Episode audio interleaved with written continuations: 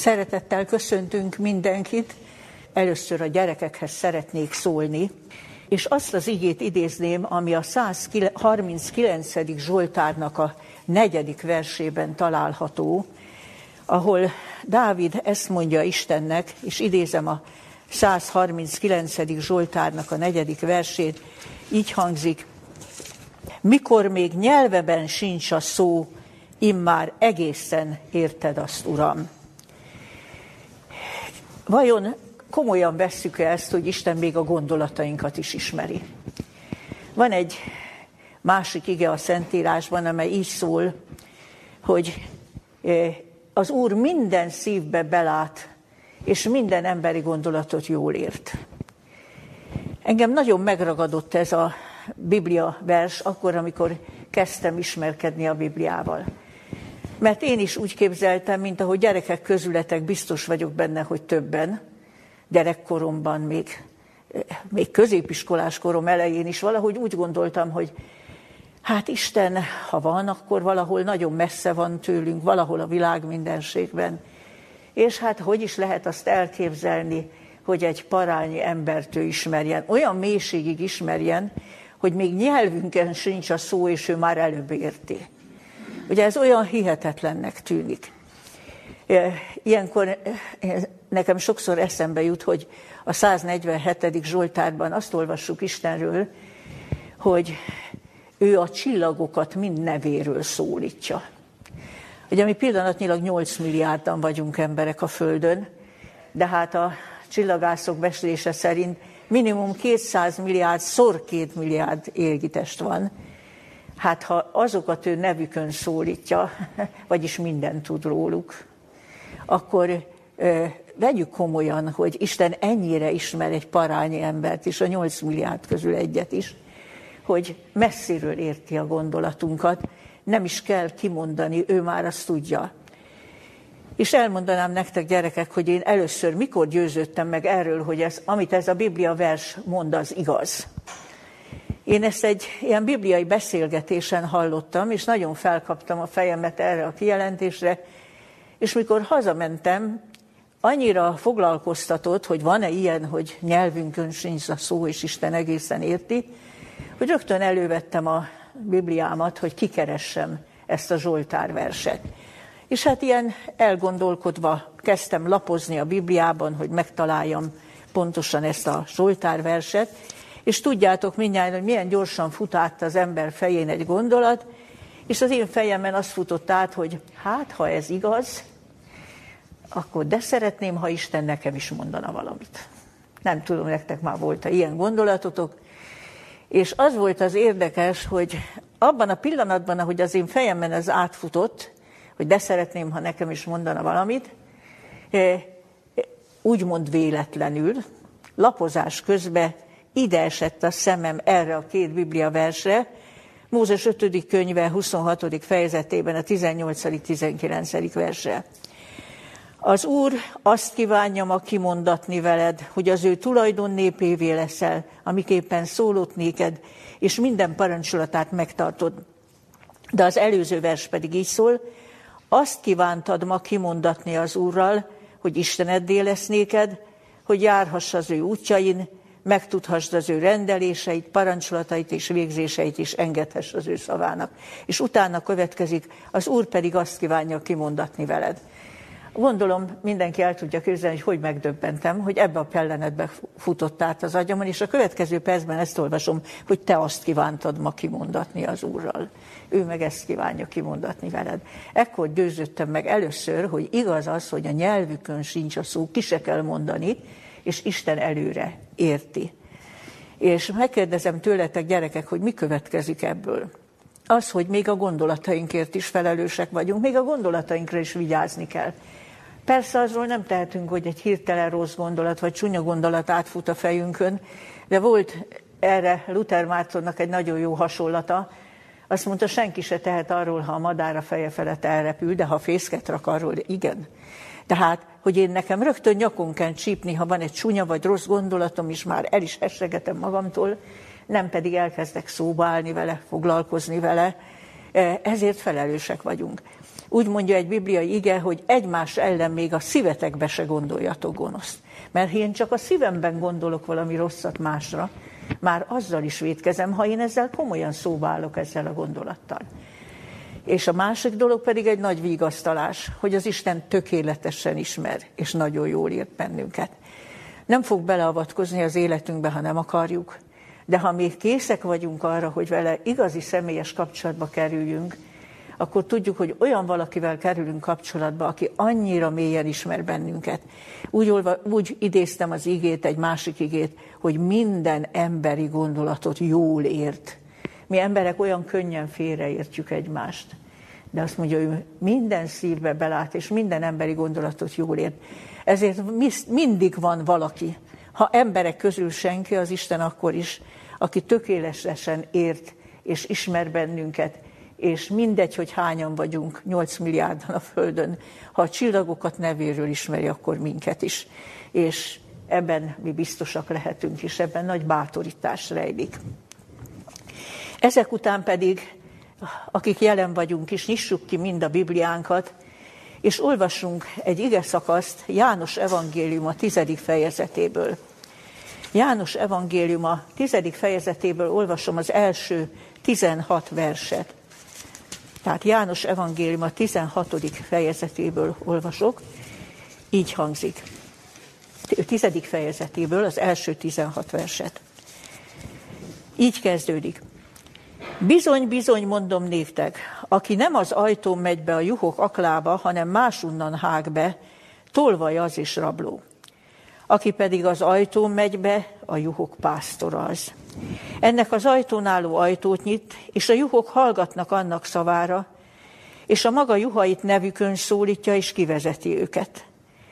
És mikor kiereszti az ő juhait, előttük megy, és a juhok követik őt, mert ismerik az ő hangját. Idegen pedig nem követnek, hanem elfutnak attól, mert nem ismerik az idegenek hangját. Ezt a példázatot mondta nekik Jézus, de ők nem értették, mi az, amit szólt nekik. Újra mondta azért nekik Jézus, bizony, bizony mondom nektek, én vagyok a juhoknak ajtaja. Mindazok, akik előttem jöttek, tolvajok és rablók, de nem hallgattak rájuk a juhok.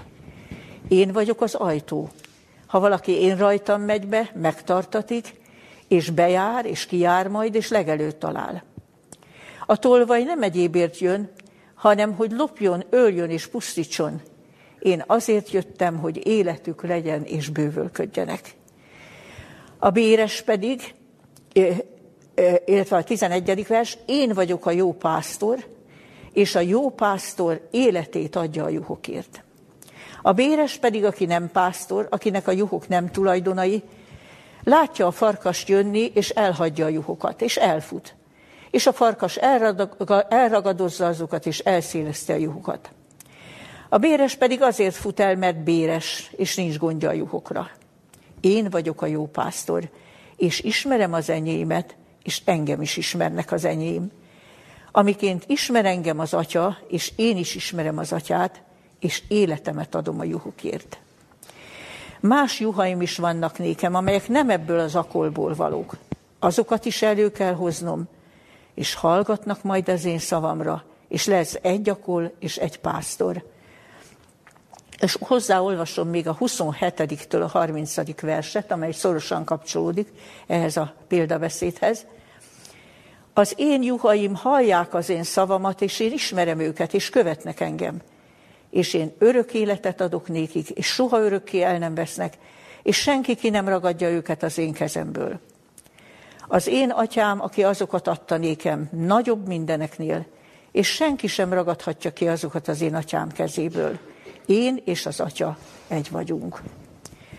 Kedves gyülekezet, azt olvastuk itt a hatodik versben, hogy ezt a példázatot mondta nekik Jézus. A mi, a mi Bibliánkban példázatot olvasunk, de az eredeti szövegben egy hasonló hangzású görög szó van itt, de nem a példázat szó, amit így lehet visszaadni, hogy hasonlatot jelképes, szimbolikus beszédet mondta nekik. Mindjárt észre is vesszük, hogy ez nem olyan, mint a többi példázata Jézusnak, nincs benne példatörténet, hanem tulajdonképpen egy hasonlat, egy jelképes, szimbolikus beszéd. És Jézus két dolgot akart megvilágítani ezzel a hasonlattal. Az egyik, hogy hogyan viszonyul ő az egyes követőihez, minden egyes tanítványához, követőjéhez. És mi az ideális kapcsolat közte és a tanítványai és a követői között. Másrészt pedig az egyház miben létét világítja meg, hogy mit ért Isten egyházon. Ugye e körül rengeteg a félreértés, nagyon sok a homály, és ezért Jézusnak ez a világos tanítása nagyon fontos számunkra. Itt már rögtön szeretném megjegyezni, hogy nagyon félrevezető a mi egyházszavunk, a magyar egyházszavunk, mert mi jut róla eszünkbe egy ház, egy intézmény, egy szervezet, és a legtöbb ember ezt gondolja egy házon. De jó tudni, hogy a Bibliában egyetlen szó van az egyházra, és ez mindegy, jelölhet gyülekezetet is, jelölheti az összes hívőknek az összességét is, és ez így hangzik, hogy eklészia. Ismerjük, mert van ilyen mondás, ugye, hogy szegény az eklézsia, az egyházközség, tehát még magyarba is átment ez a görög szó. És mit jelent ez? Az azt jelenti, hogy kihívottak, elhívottak közössége. Tehát népre, emberekre vonatkozik, a kihívottak, az elhívottaknak a közösségére. A mi Bibliánkban olvasunk ilyen szót is, hogy Anya Szent Egyház. De az új szövetség eredeti szövegében ilyen szó nincs. Mindenütt csak leklézia szerepel. Ahogy mondtam, ha egy gyülekezetről van szó, ha csak ketten-hárman összegyűlnek Krisztus nevében, vagy a hívők összességéről egyformán, egyformán. Ugyanúgy körülbelül, mint az angolban a church, ezt is jelentheti, azt is jelentheti. És tegyük fel akkor azt a kérdést, hogy hogyan viszonyul Jézus minden egyes követőjéhez, mert ez az egyik, ami ennek a mondani valója. Röviden ezt mondhatjuk pásztorként. Ugye így mondja a 11. versben, én vagyok a jó pásztor. Hát ugye a pásztor mesterség az itt Magyarországon is kiveszőben van már, de ha a Bibliában olvassuk, hogy Jákob pásztorkodása mit jelentett, vagy Dávidé, akkor mégis fogalmat tudunk alkotni arról, hogy ez egy nagyon fáradtságos és nagyon veszélyes munka is volt. Hiszen az ókori keleten oroszlán medve is támadhatott a nyájra, és eh, nem csak nappal kellett vigyázni a nyájra, hanem éjszaka is. Tehát ez egy, ez egy nagyon-nagyon komoly és megbecsült mesterség volt akkor. És akkor tehát azt mondhatjuk, hogy Krisztus pásztora azoknak, akik ő benne bíznak, akik, akik őt követik. És ez egy olyan kifejezés, egy olyan hasonlat, amiben benne van az, hogy ő gondoskodik róluk, és az is benne van, hogy őrzi őket. Ugye mindenki ismeri Dávidnak a híres Zsoltárát, a 23. Zsoltárát, az Úr az én pásztorom. De sajnos a személyes ítéletünkben mi azért aggodalmaskodunk sokszor, mert azért félünk, mert nem vesszük komolyan, hogy Krisztus pásztora, a leglelkismeretesebb, leghűségesebb pásztora eh, mindazoknak, akik ő benne bíznak, akik az ő tanítványai, akik őt követik. Azt is olvastuk, így, mondja, így mondta itt az igében, hogy nevükön szólítja őket. Megint csak visszatérünk ehhez a gondolathoz, amit a gyerekeknek szóló kis rövid beszédben is említettem, hogy mi hisszük azt, hogy Isten egyenként ismer bennünket, és nevünkön szólít. Hadd idézzek egy másik új szövetség ígét, Timóteushoz írt második levél, második fejezetének a 19. versét. Ismeri az Úr az övéit. Határozottan, hogy ismeri az Úr az övéit. És valóban másutt is arról is szó van, hogy névről ismer. Ugye Ézsaiás könyvében is van ilyen neveden hívtalak el, de az egyik legfontosabb ige, amikor Jézus azt mondta, hogy aki megvall engem az emberek előtt, én is megvallom annak nevét az én atyám és az én mennyei, mennyei angyalok előtt. Nem tudom olyan különös belegondolni, nem lehet, hogy az én nevem és a te neved Jézus elkán elhangzik a mennyei atya és a szent angyalok előtt. Mi mindig hajlamosak vagyunk, éppen azért, mert Isten hatalmas, és hát ő az egész univerzum teremtője, őt egy kicsit eltávolítani magunktól, az emberektől. De Jézus azt mondja, ő a jó pásztor, és az övéit ő nem csak hogy ismeri, de nevükön szólítja, és megvallja az ő nevüket a mennyei atya előtt. És ha ami a jó pásztor gondoskodását komolyan vennénk, akkor soha nem aggodalmaskodnánk. És nem is félnénk. Igaz, hogy a Biblia is azt mondja, hogy az ős ellenség, mint ordító oroszlán szerte jár és keresi, hogy kit nyeljen el, és úgy tanított imádkozni a mi atyánk által, hogy foglaljuk bele az imádságunkba, hogy szabadíts meg a gonosztól, de ha ő a pásztorunk, akkor abszolút biztonságban vagyunk. Valószínűleg, sőt biztos, hogy csak az Isten országában fogjuk megtudni, hogy hányszor oltalmazott meg bennünket, akár körülmények okozta veszélytől, amelyek mögött persze az ős ellenség áll, mert azt mondja, úgy jár az Isten hívők körül, mint ordító oroszlán, és szeretne őket tönkretenni. Ha lehet bűnre vinni, ha ez nem sikerül, akkor más egyéb támadásokkal tönkretenni, de Krisztus a jó pásztor.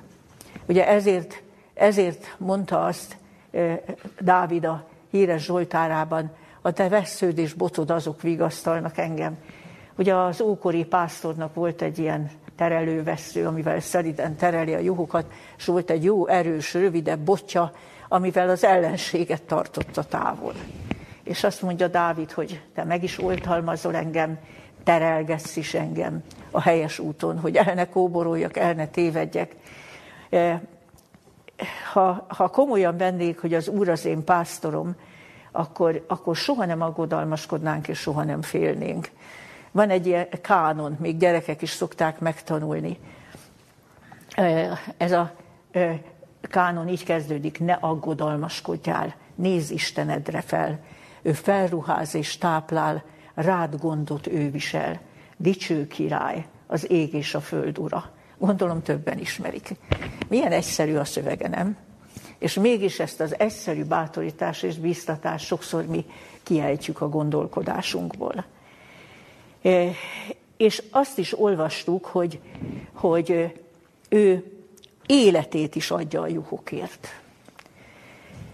Erről mindig eszünkbe kell, hogy jusson a római levél 8. fejezetének a 32. verse, amely úgy szól, hogy aki az ő tulajdonfiának nem kedvezett, hanem minnyájunkért odaadta. Vagy ha Krisztusra alkalmazzuk, aki úgy szeretett minket, hogy az életét adta értünk. Lehet vele szemben gyanakvónak lenni, lehet kicsinyhitűnek lenni. Ugye Pál úgy folytatja, hogy mi módon ne ajándékozna vele együtt mindent minékünk. Krisztusnak ez a gondoskodása az övéiről eh, valójában az ő közben járó szolgálata által valósul meg. Figyeljük csak meg például János Evangélium a 17. fejezetében, mikor az atyának könyörög értük. Miket kér? Nem azt kérem, hogy vedd ki a világból, de őrizd meg a gonosztól, szenteld meg őket a te igéddel, a te igéd igazság. Milyen esedezve könyörög értük. Vagy amikor Péternek azt mondta az utolsó vacsorán, kikért titeket sátán, hogy megrostáljon, mint a búzát, de én imádkoztam érted, hogy el ne fogyatkozzék a te hited.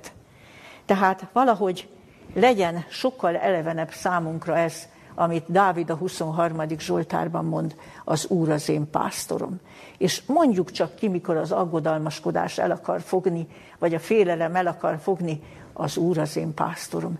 És ő olyan jó pásztor, aki az életét is odaadja a juhokért, aki tökéletesen tud gondoskodni, és tökéletesen tud őrizni. De áttérnék egy másik jelképre, amit ebben a, e, a hasonlatban Jézus alkalmaz. Ezt háromszor is olvastuk. A tizedik fejezetben az első vers így hangzott, aki nem az ajtón megy be a juhok aklába, hanem máshonnan hág be, tolva és az, az és a rabló. Aztán a hetedik versben Jézus azonosítja ezt a jelképet, tehát ő nem csak a jó pásztor a hasonlatban, hanem az juhok ajtaja is. Mert ezt mondja, bizony-bizony mondom néktek, én vagyok a juhoknak ajtaja.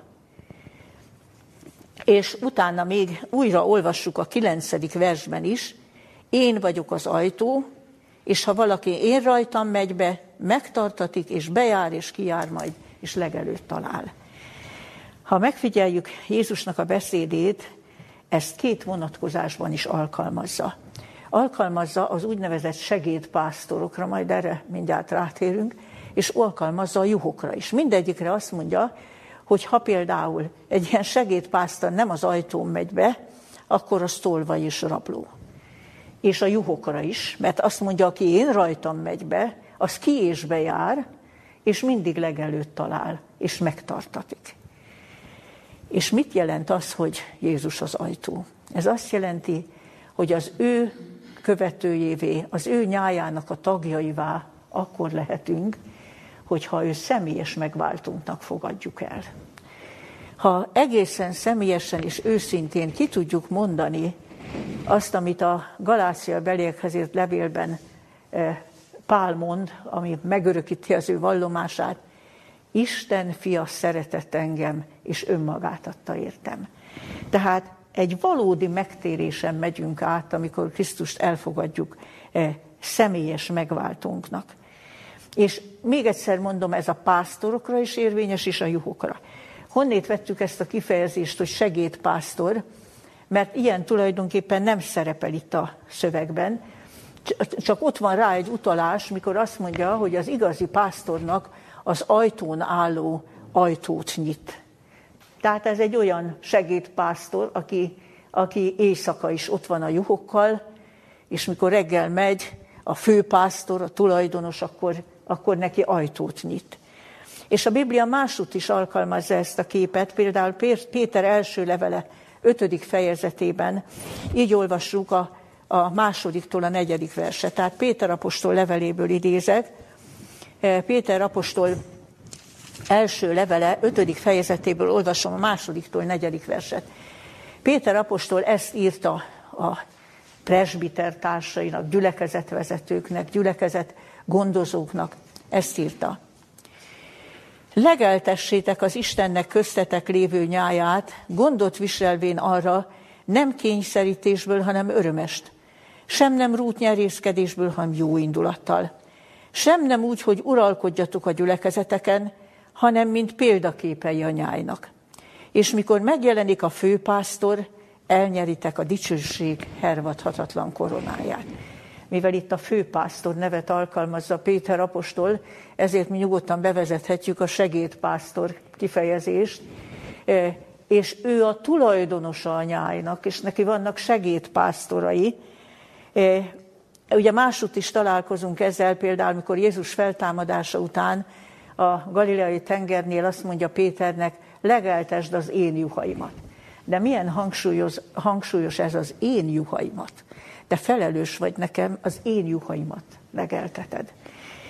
És az egyik legmegindítóbb ige ezzel kapcsolatban apostolok cselekedetei 20. fejezetének a 28. versében amikor Pálapostól pedig azt írja, illetve ezt mondta az efézusi gyülekezet véneinek, legeltessétek az Isten köztetek lévő nyáját, újra azt mondja, tehát ezek mind a Jézus hasonlatára, Jézus példabeszédére mennek vissza, ezek az apostoli buzdítások, és azt mondja, mint akit az ő tulajdon vérével szerzett.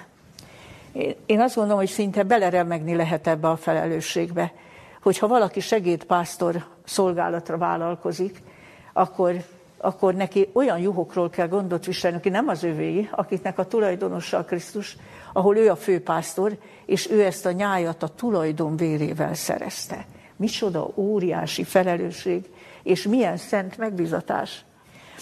És Jézus azt mondja, hogy ha, ha bármely közösségben olyan segédpásztor van, aki nem az ajtón ment be, aki nem egy Krisztus igazi megváltóként való elfogadás által, nem egy, nem egy Szentlélek által megvalósított megtérés által foglalta el ezt a hivatalt.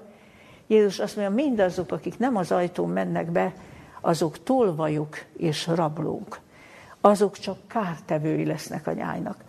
Az ellenség ezt nagyon-nagyon jól tudja, hogy a legnagyobb kárt tenni a Krisztus követőinek, a Krisztus nyájának éppen a, az olyan segédpásztorok által lehet, akik nem az ajtón mentek be.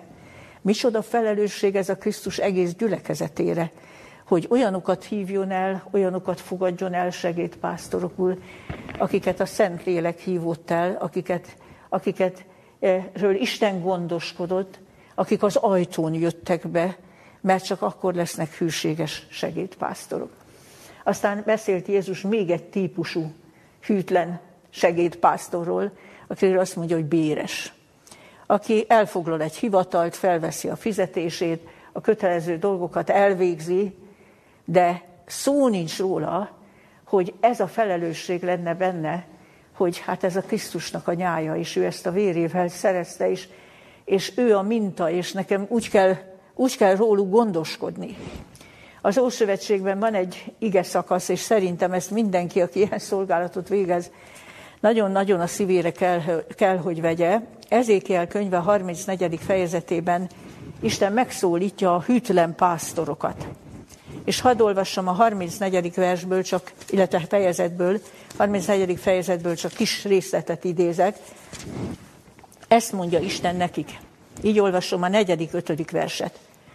A gyöngéket nem erősítettétek, a beteget nem gyógyítottátok, a megtöröttet nem kötözgettétek, és a, az elűzöttet vissza nem hoztátok, az elveszettet meg nem kerestétek, hanem keményen és kegyetlenül uralkodtatok rajtuk. Milyen nagy baj az, hogyha valamelyik keresztény közösségben uralkodik a gyülekezet fölött egy, egy lelkész vagy egy vezető.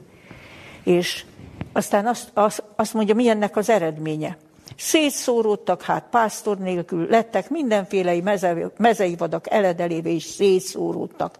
Téveiget nyájam minden hegyen, minden magas halmon, az egész föld színén szétszóródott az én nyájam, és nem volt, aki keresse sem, aki tudakozódnék utána. Isten fájdalommal nézi azt, hogy milyen kártételek történnek az ő, az ő nyájában, az ő, az ő juhai között, és Ugye azt jelenti, hogy béres, és hogy nem védi meg a nyájat. Például, ha hamis tanítások keletkeznek, nincs erkölti bátorsága felszólalni ellene. Hagyja, mert, mert nem akar magának bajt. Ugye ez, ez a béres típusú segédpásztor, aki, aki nem ügyel, és az eredménye az, hogy szétszóródik a nyáj, és tévejeg a nyáj. És Isten aztán végül ezt mondja a tizedik versben, Ím én elmegyek a pásztorok ellen, és előkérem nyájamat kezükből. Ez mondom megint olyan félelmetes felelősség, hogy az ítélet napján Isten előkéri a nyáját. Ő név szerint ismeri őket, és tudja, kik azok a, az elesettek, megkeseredettek, akiket nem kötözgettek, kik azok, akik után nem mentek, akiket nem kerestek. És ezt mondja, előkérem nyájamat ez a pásztori lelkület annyira fontos, hogy benne legyen a segédpásztorokban, és tényleg Krisztus legyen a példaképük. Tehát ilyet is mondott Pálapostól annak idején, azt mondta, én semmitől se vonogattam magamat, ami nektek hasznos. Én nem vonogattam magamat attól, hogy az Isten teljes akaratát hirdessem nektek. Az igazi pásztor az, az, az is életét adná a juhukért, és nagyon megbecsüli azokat a juhokat, akiket Krisztus a tulajdon vérével szerzett. Nem véletlenül írja Jakab apostol, azt írja, hogy, hogy ne sokan akarjanak tanítók lenni, mert ezek súlyosabb ítélet alá esnek, mert előkéri az ő nyáját kezükből. Erre nem szabad vállalkozni másképp, csak ha valaki, valaki erre is kész lesz, hogy előkéri az ő nyáját. De a juhokra is alkalmazza Jézus ezt, hogy aki az ajtón megy be, azok még ha jönnek rablók is, meg tolvajok is sajnos, mert nem egy abszolút békesziget a Krisztus gyülekezete, ha a pásztorok alszanak, akkor az ördög szórja a konkolyt, meg, meg csinálja a bajokat. E, és azt mondja, mégis azok a juhók, akik egy valódi megtéréssel, egy szentlélek általi megtéréssel, Krisztus személyes megváltóként való elfogadásával lettek a keresztény közösség tagjai, azt mondja, azok ki bejárnak biztonságban, és mindig találnak legelőtt. Azokat ő meg tudja őrizni, még az ilyen, ilyen nehézségek és ilyen nagyon nem kívánatos körülmények között is. És hát akkor eh, mit jelent ez igazán? Vagy milyen felelősséget ró. Például felelősséget ró a keresztény közösségekre, és különösképpen a keresztségi tanítókra. hogy a Krisztus nyájába olyanok kerüljenek, akik igazán megtértek, akik, akik igazán elfogadták Krisztust megváltójuknak. Nagyon sokat lehet tenni ezért, és lehet hanyagul is felfogni ezt a, ezt a feladatot. Itt szeretném elmondani azt is, hogy tulajdonképpen itt láthatjuk azt, hogy mennyire igaza volt annak a, az idős református lelkésznek, aki nekem tömören így mondta, szomorúan, azt mondja, én mindig lelkismert furdalással töltöttem be a hivatásomat, mert én mindig tudtam, hogy gyermek keresztség, nem keresztség, népegyház, nem egyház. Ugye tudjuk, mit hívnak népegyháznak, hogy a korban megkeresztelik a gyerekeket, és, és azért népegyház, mert nem személyes döntéssel, vagy személyes meggyőződéssel lesznek a tagjai, hanem gyerekkorukban megkeresztelkedik. Lehet egy lelkész nagyon hívő egy ilyen népegyházban, és akar, kiteheti a lelkét, de nem tud belőle igazi egyházat formálni. Mert itt a, az egyház tagjai nem az ajtón át léptek be, hanem, hanem ők megtudták, hogy őket megkeresztelték, tehát ők eleve keresztények, ők eleve a Krisztus gyülekezetének a tagjai. Egy tanulságos esetet mondok el, ami nekem nagyon emlékezetes. Egy, egy kedves barátom egy evangélikus barátom, ő készített egy kiadványt, aminek az volt a címe, hogy irányváltás. És négy ilyen értelmiségi emberrel készített interjúkat foglalt magában a kötet, hogy ők hogyan éltek át egy megtérést, egy újjászületést, hogy befolyásolta ez tovább őket mindenben, a pályájukban is, stb. És ennek a könyvnek a könyvben mutatójára meghívott, és elmentem. És a könyvben mutatón a Budapest akkori főépítésze, aki szintén evangélikus, ő tartotta a könyvnek az ismertetését, ő prezentációt, fő prezentációt ő tartotta, és a végén ő olyan nagyon őszintén és nagyon tisztességesen azt a kérdést tette fel, hogy azt mondta, amikor ezt a kötetet olvastam bennem, az a kérdés merült fel, hogy mindenkinek szükséges egy ilyen megtérésen átmennie. Mindenkinek az életében kell, hogy legyen egy ilyen, ilyen hatalmas, földindulásszerű változás a korábbiakhoz képest. Erre fölállt, ott volt a pultipituson néhány ismert méltóság, és az egyik hát egyházi ember, akit nagyon tisztelnek és nagyon mértékadónak tartanak, ő felállt, és azt mondta határozottan nem. És utána egy olyan magyarázatot mondott Krisztus tékozló fiú példázatához, amit én soha életemben nem hallottam rajta kívül. Azt mondta, hogy a tékozló fiú példázatában is tulajdonképpen nem a, a tékozló fiú a példakép, hanem az idősebb testvér, aki csendes hűségben megmaradt az atyai háznál. Hát ugye világosan értettük, hogy ez a népegyházi formulának a, a védelme volt, hogy az az igazi, ha csendes hűségben megmarad az atyai háznál, ahova született, ahova megkeresztelték. Úgyhogy hát ez döbbenetes volt ezt hallgatni, hogy ő határozottan azt mondta, hogy nem, és aztán e, végén még szólhattak a közönségből is, és aztán én is jelentkeztem, azt mondtam, én csak kommentár nélkül szeretném Jézus két igéjét felolvasni. És azt idéztem János Evangélium a harmadik fejezetéből, hogy Jézus azt mondta, Szükség néktek újonnan születnetek, mert aki nem születik újonnan, nem láthatja meg az Isten országát. Szükség néktek újonnan születnetek víztől és lélektől. Csend volt. Tényleg nem akartam többet mondani, de ennyinek el kellett hangzania. Milyen féltő gonddal kell a gyülekezetnek fáradozni azokért, akik érdeklődnek Krisztus után, akik vágyat éreznek, hogy Krisztus tanítványaivá legyenek nem csak tanítani kell őket a keresztelendő tanítóknak, hanem buzgón imádkozni értük, hogy az Úr érleljen be az ő életükben egy valódi megtérést. E, hadd idézek Ellen White-tól egy döbbenetes hasonlatot. Azt írja egy helyen, hogy, hogy manapság ritka tapasztalata valódi újjászületés, azért, mert az, az az Isten igéjéből születik, ugye az ige is azt mondja, újonnan születtetek, nem rondandó magból, hanem romolhatatlanból, Isten igéje által, és ha nincsenek valódi igehirdetések, akkor az újjászületések is ritkábbak. És ha az emberek nincsenek kapcsolatban az Isten beszédével, az Isten igéjével, akkor a valódi újjászületés megritkul. És akkor ő így folytatta, azt mondta, hogy, hogy sokan csak élve keresztelkedtek meg. Mert az énjük nem halt meg a Krisztusban. El, megkeresztelték őket, de élve temettettek el, az énjük nem halt el. És utána hozzátett egy mondatot, ezért van annyi nyomorúság a gyülekezetben. Mintha azt mondta volna, hogy olyan, mint az élvetemetés.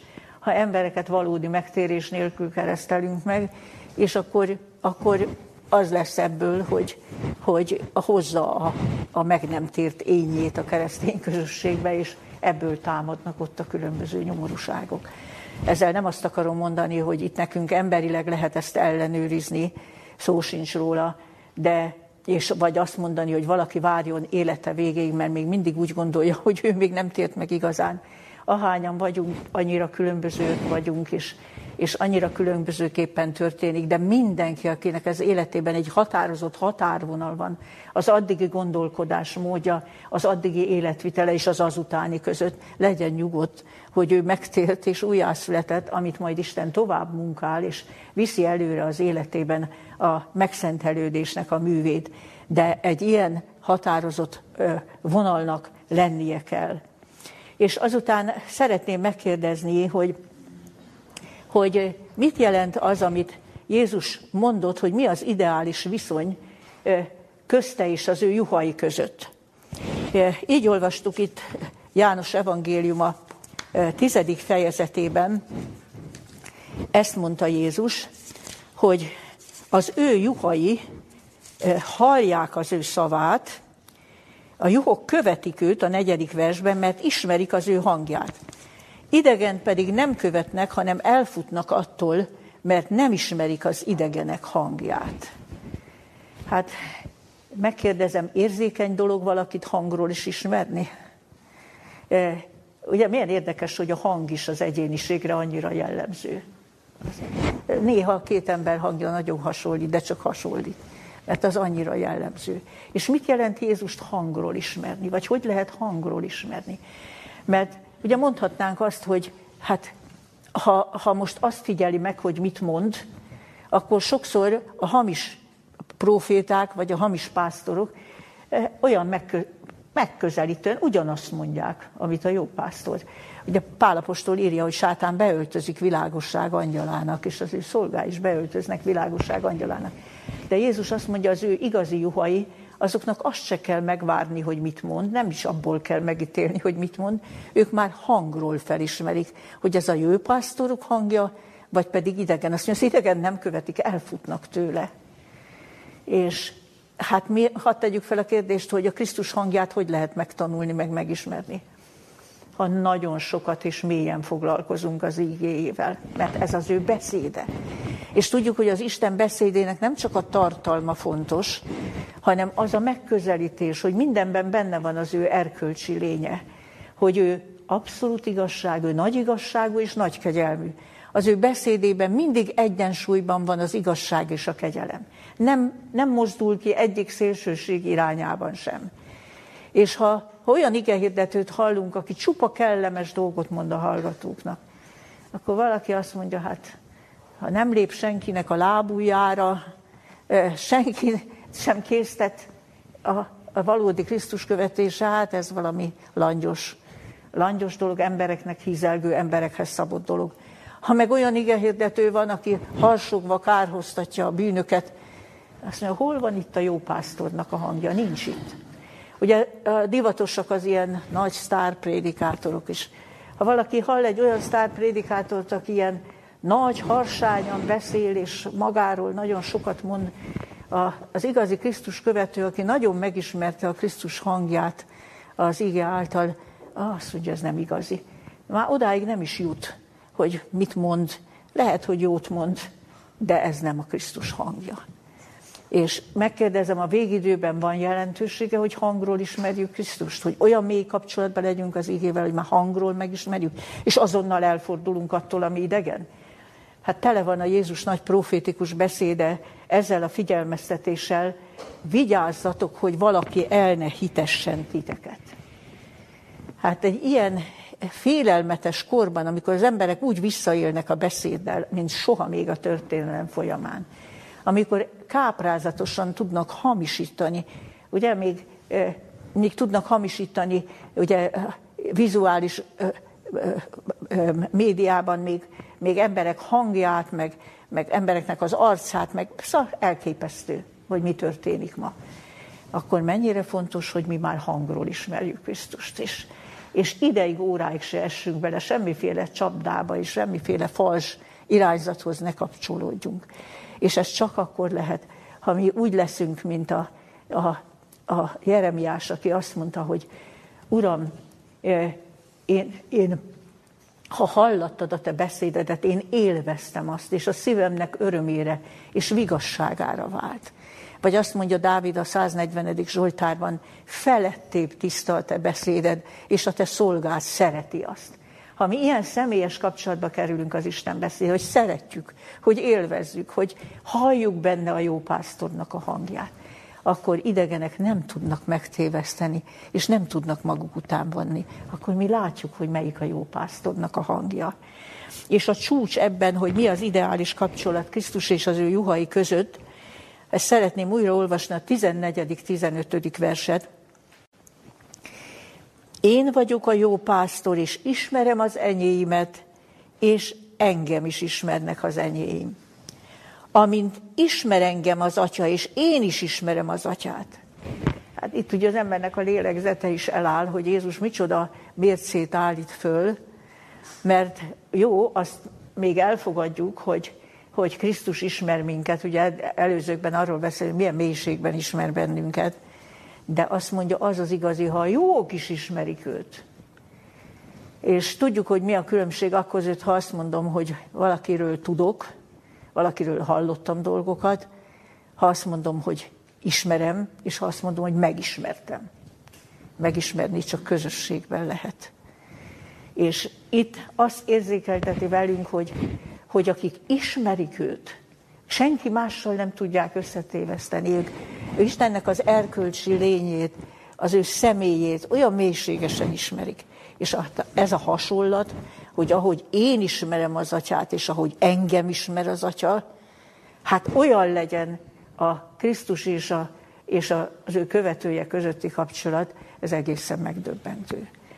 Tehát mi csak akkor vagyunk biztonságban, ahogyan Jézus is a főpepi imájában könyörgött, hogy, és azt mondta, hogy az az örök élet, hogy megismerjenek téged, az egyedül igaz Isten, és akit elküldtél Jézus Krisztust hogy mi valósággal megismerjük. Ne csak ő ismerje minket, de mi is ismerjük őt.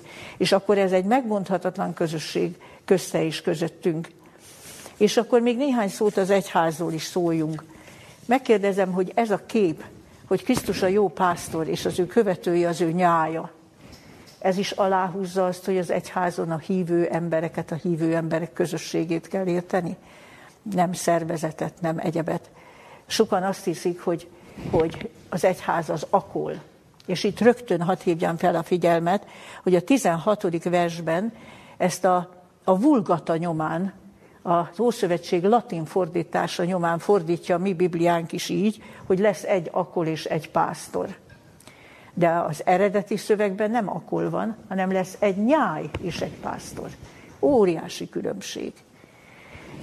És, és a, a nyájnak a nyáj az nem csak akkor tart össze, amikor beterelik az akolba, hanem a pásztornak a hangja, a pásztornak a gondoskodása egymagában összetartja őket. A nyáj mehet hegyen, völgyön, akik ismerik a pásztor hangját és követik őt, azok nem fognak eltévejedni.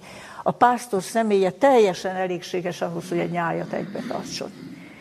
És ez, a, ez a, a, az igazi egyháznak a képe, ahol mindenki olyan szoros kapcsolatban van Krisztussal, hogy ő ismeri az övéit, az övé is ismerik őt, hangról is ismerik őt, és követik őt. Van az Új Szövetségben jelenések könyve 14. fejezetének az 5. versében egy ige, amit, amit eh, szintén erre Jézusnak erre a hasonlatára épül. Arról beszél, hogy akik Jézus eljövetele előtt majd győztesek lesznek. Azokról azt mondja, követik a bárányt valahova megy. Ugye mi emberek olyan könnyen beleesünk abba a csapdába, hogy embereket követünk, tanukat követünk, történelmi hagyományt követünk, de azt mondja, azok lesznek győztesek, és azok állják meg a helyüket a végidőben, akik követik a bárányt valahova megy. Mert a jó pásztor mellett ők mindenkor biztonságban vannak, és ő biztosan, hogy győzelemre vezeti őket. Ja, életem során nekem is olyan sokat segített, és nem csak nekem, hanem sokaknak, megint csak Ellen White-ot idézem, mert ezt nagyon tökéletesen fogalmazta meg. Azt mondta, hogy a legmagasabb tekintély, ami számunkra az így szól az Úr legyen. Azt mondja, a, fölé, hogy így szól az Úr, nem helyezhető az, hogy így szól a földi hatalom, de az sem, hogy így szól a földi egyház. Ez a hívőknek a lelkismeti szabadsága. A legfőbb tekintély az, hogy így szól az Úr. És követik a bárányt, valahova megy. Ő a mérce számukra. És, és az ő szavát hallják. És akkor mire utalt Jézus, mikor a 16. versben azt mondta, hogy más juhaim is vannak nekem, nem ebből az akolból valók. Ugye hát a hallgatóság az Ószövetségi választott nép, a zsidó nép volt, és amikor Jézus azt mondta, hogy máshol is vannak nekem juhaim, akkor ö, ö, tulajdonképpen arról van szó, hogy más nyájakban is vannak nekem juhaim, akkor a pogányok között ő már tudta, kik az Isten félők, akik az Isten keresők, akiket majd, majd hozzágyűjt az Ószövetség megtérő választott népéhez. És ez ma is így van. És itt hívnám fel a figyelmet arra, hogy kétféle értelmezése van annak, hogy, hogy a láthatatlan az igazi egyház. Ezt a 16. századi reformáció vezette be ezt a fogalmat, hogy láthatatlan egyház. És ha olvassuk a 16. századi hitvallásokat, akkor megtudjuk, hogy mit értettek ezen. Azt mondták, hogy egyrészt nem mindenki igazi követője Krisztusnak, aki a látható egyházban van, másrészt, ahogy Jézus is annak idején beszélt, hogy Izraelen kívül napkeleten, napnyugaton, északon, délen még vannak, akik az Isten országához tartoznak, ugyanúgy ma is a, a úgynevezett maradék egyházon kívül szerte széjjel még vannak Krisztusnak őszinte követői. És azt mondták, hogy az igazi egyház névsora az Krisztusnál van, ő ezeket mind ismeri, az a láthatatlan egyház, az a teljes egyház, amiben mindazok beletartoznak, akik őt ismerik, és akik őt követik. Az ismeretük nem egyforma. Lehet, hogy egyeseknek kevesebb ismeretük van, másoknak több. És, de az biztos, hogy a Szentlélek által közösségben vannak Istennek. A maguk ismerete szerint lélekben és igazságban imádják Istent. És ez a láthatatlan egyház. De manapság van a láthatatlan egyháznak egy másik értelmezése. És ez alapvetően egy római katolikus értelmezésből indul ki, és ez az értelmezés azt mondja, hogy az egyház az egy ős valóság, az egy misztikus ős valóság. Ők ezért is írják mindig nagybetűvel a, az egyház szót, és azt mondják, hogy ebbe az egyházba valójában mindenki beletartozik, aki keresztény. Ma szeretnek különösen úgy fogalmazni, hogy, hogy a, az egyházban mindenki beletartozik, aki megkeresztelkedett. Mindegy, hogy hogyan, ebben nagyvonalúak, mindenki beletartozik hatodik Pál pápa kiadott egy enciklikát, amiben még így fogalmazott. Azt mondta, hogy ez, ez, a, ez a misztikus egyház, ez az ős valóság, ez a láthatatlan egyetemes egyház, ez olyan, mint a koncentrikus körök. Ugye, ha bedobok a tóba egy kavicsot, különböző körben van, koncentrikus körök keletkeznek körülötte. Azt mondta, a mag, amiben az egyház teljessége van meg, az a római katolikus egyház. A következő koncentrikus kör körülötte azok az ortodoxok, a keleti keresztények, amelyek a legközelebb vannak hozzá. A következő koncentrikus kör a protestáns egyházak, amelyek belőle váltak ki. A következő kör a, az egyisten hívő vallások. Be beletartozik a zsidóság, az iszlám. A következő kör az erkölcsi értékeket tisztelő világvallások. És az utolsó kör a ateista humanizmus. És az elmélet úgy hangzott, hogy ezek mind hozzátartoznak ehhez a misztikus egyházhoz. Nincs meg bennük az egyház teljessége, mint a római katolikus egyházban, de mind hozzátartoznak. És most hadd olvassak szó szerint egy idézetet. Ez 2015-ben jelent meg a deklaráció az úton, egyház, papi szolgálat és eucharisztia címen. Ez egy közös protestáns és katolikus nyilatkozat volt, és így hangzik. Katolikusok és luteránusok egyetértenek abban, hogy a földön levő egyház maradandó valóság, mert a Szentlélek jelenleg is és a jövőben is őrzi minden olyan vonatkozásban, amely lényeges az üdvösséghez. Osztozunk a keresztény reménységnek abban a bizonyosságában, hogy az egyház, amelyet Krisztus alapított, és amelyet a Szentlélek vezet, mindig megmarad az igazságban. Teljesíti misszióját az emberiség javára az evangélium hirdetés tekintetében. Észrevettük, hogy milyen misztikus valóságról beszél ez? Ez mindig megmarad az igazságban, feltétel nélkül, ez mindig teljesíti a maga, maga hivatását. És azután azt is, azt is olvashatjuk, hogy az egyház Krisztusban mint egy szakramentuma, vagyis jele és eszköze az Istennel való belsőséges egyesülésnek. Most figyeljünk, és az egész emberiség egységének. Az egyház egységének az egész emberiség egységét kell szolgálni. Benne ez az egység már elkezdődött, mivel az embereket minden nemzetből, törzsből, népből és nyelvből gyűjti össze, Ugyanakkor az egyház jele és eszköze ezen egység teljes megvalósításának, aminek még el kell jönnie.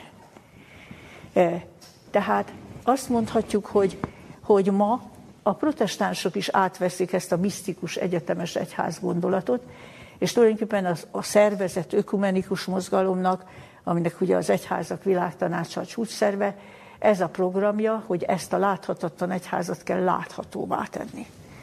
Ugye, milyen, eh, hogy milyen mértékben a protestáns egyházak is azonosulnak ezzel, egy nagyon neves 20.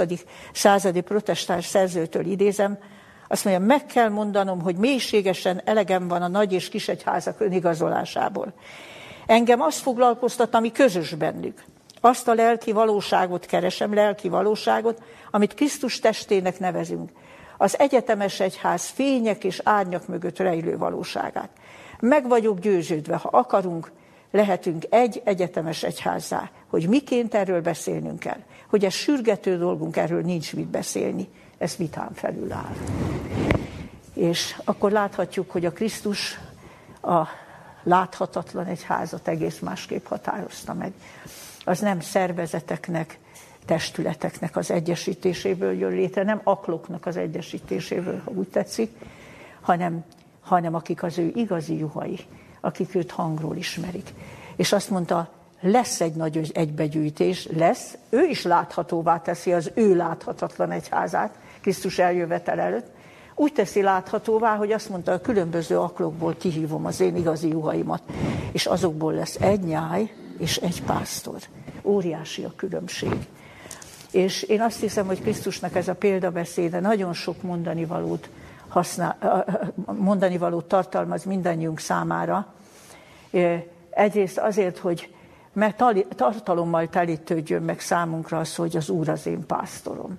Ezt a hitvallást úgy mondjuk el, hogy akkor nem félünk, nem aggodalmaskodunk, mert komolyan vesszük, hogy ő névről ismer, hogy ő abszolút ismer bennünket, gondoskodik rólunk és őriz minket és azután azt is nagyon jegyezzük meg, hogy igazi egyház csak abból keletkezik, ahol mindenki az ajtón megy be.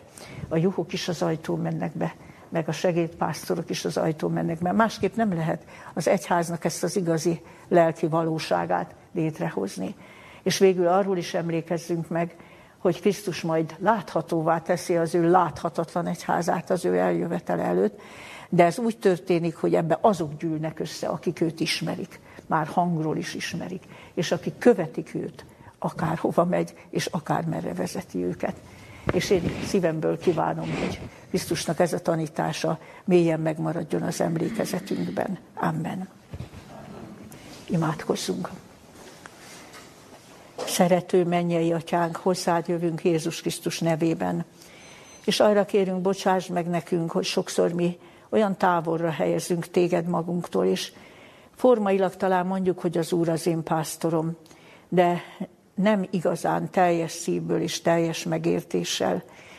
és ad hogy, ad, hogy mi annyira megismerjünk téged, ahogy mondtad, hogy ahogy te ismered az atyát, és az atya ismer téged, annyira kölcsönös legyen ez a megismerés. Azt tudjuk, hogy te ismersz bennünket, a gondolatainkat is messziről érted, de szeretnénk mi is, Urunk, teljesen megismerni téged. Segíts, hogy olyan érzékeny fülünk legyen, hogy már hangról is megismerünk téged, és megkülönböztetjük az idegen hangot. És köszönjük, Urunk, ezt a nagy ígéretet, hogy a te eljövetel előtt majd egyszer látható lesz az igazi tiszta egyház, amiről azt olvassuk, hogy felöltözik tiszta és ragyogó fehér gyolcsba, amely a szentek igazságos cselekedetei, és ahol mindenki ismeri a te hangodat, szavadat, és mindenki téged követ.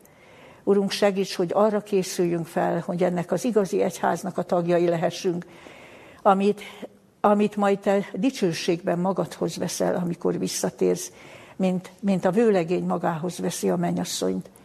Urunk, kérünk, hallgass meg imádságunkat, és maradj mindannyiunkkal a te kegyelmedből. Amen. Légy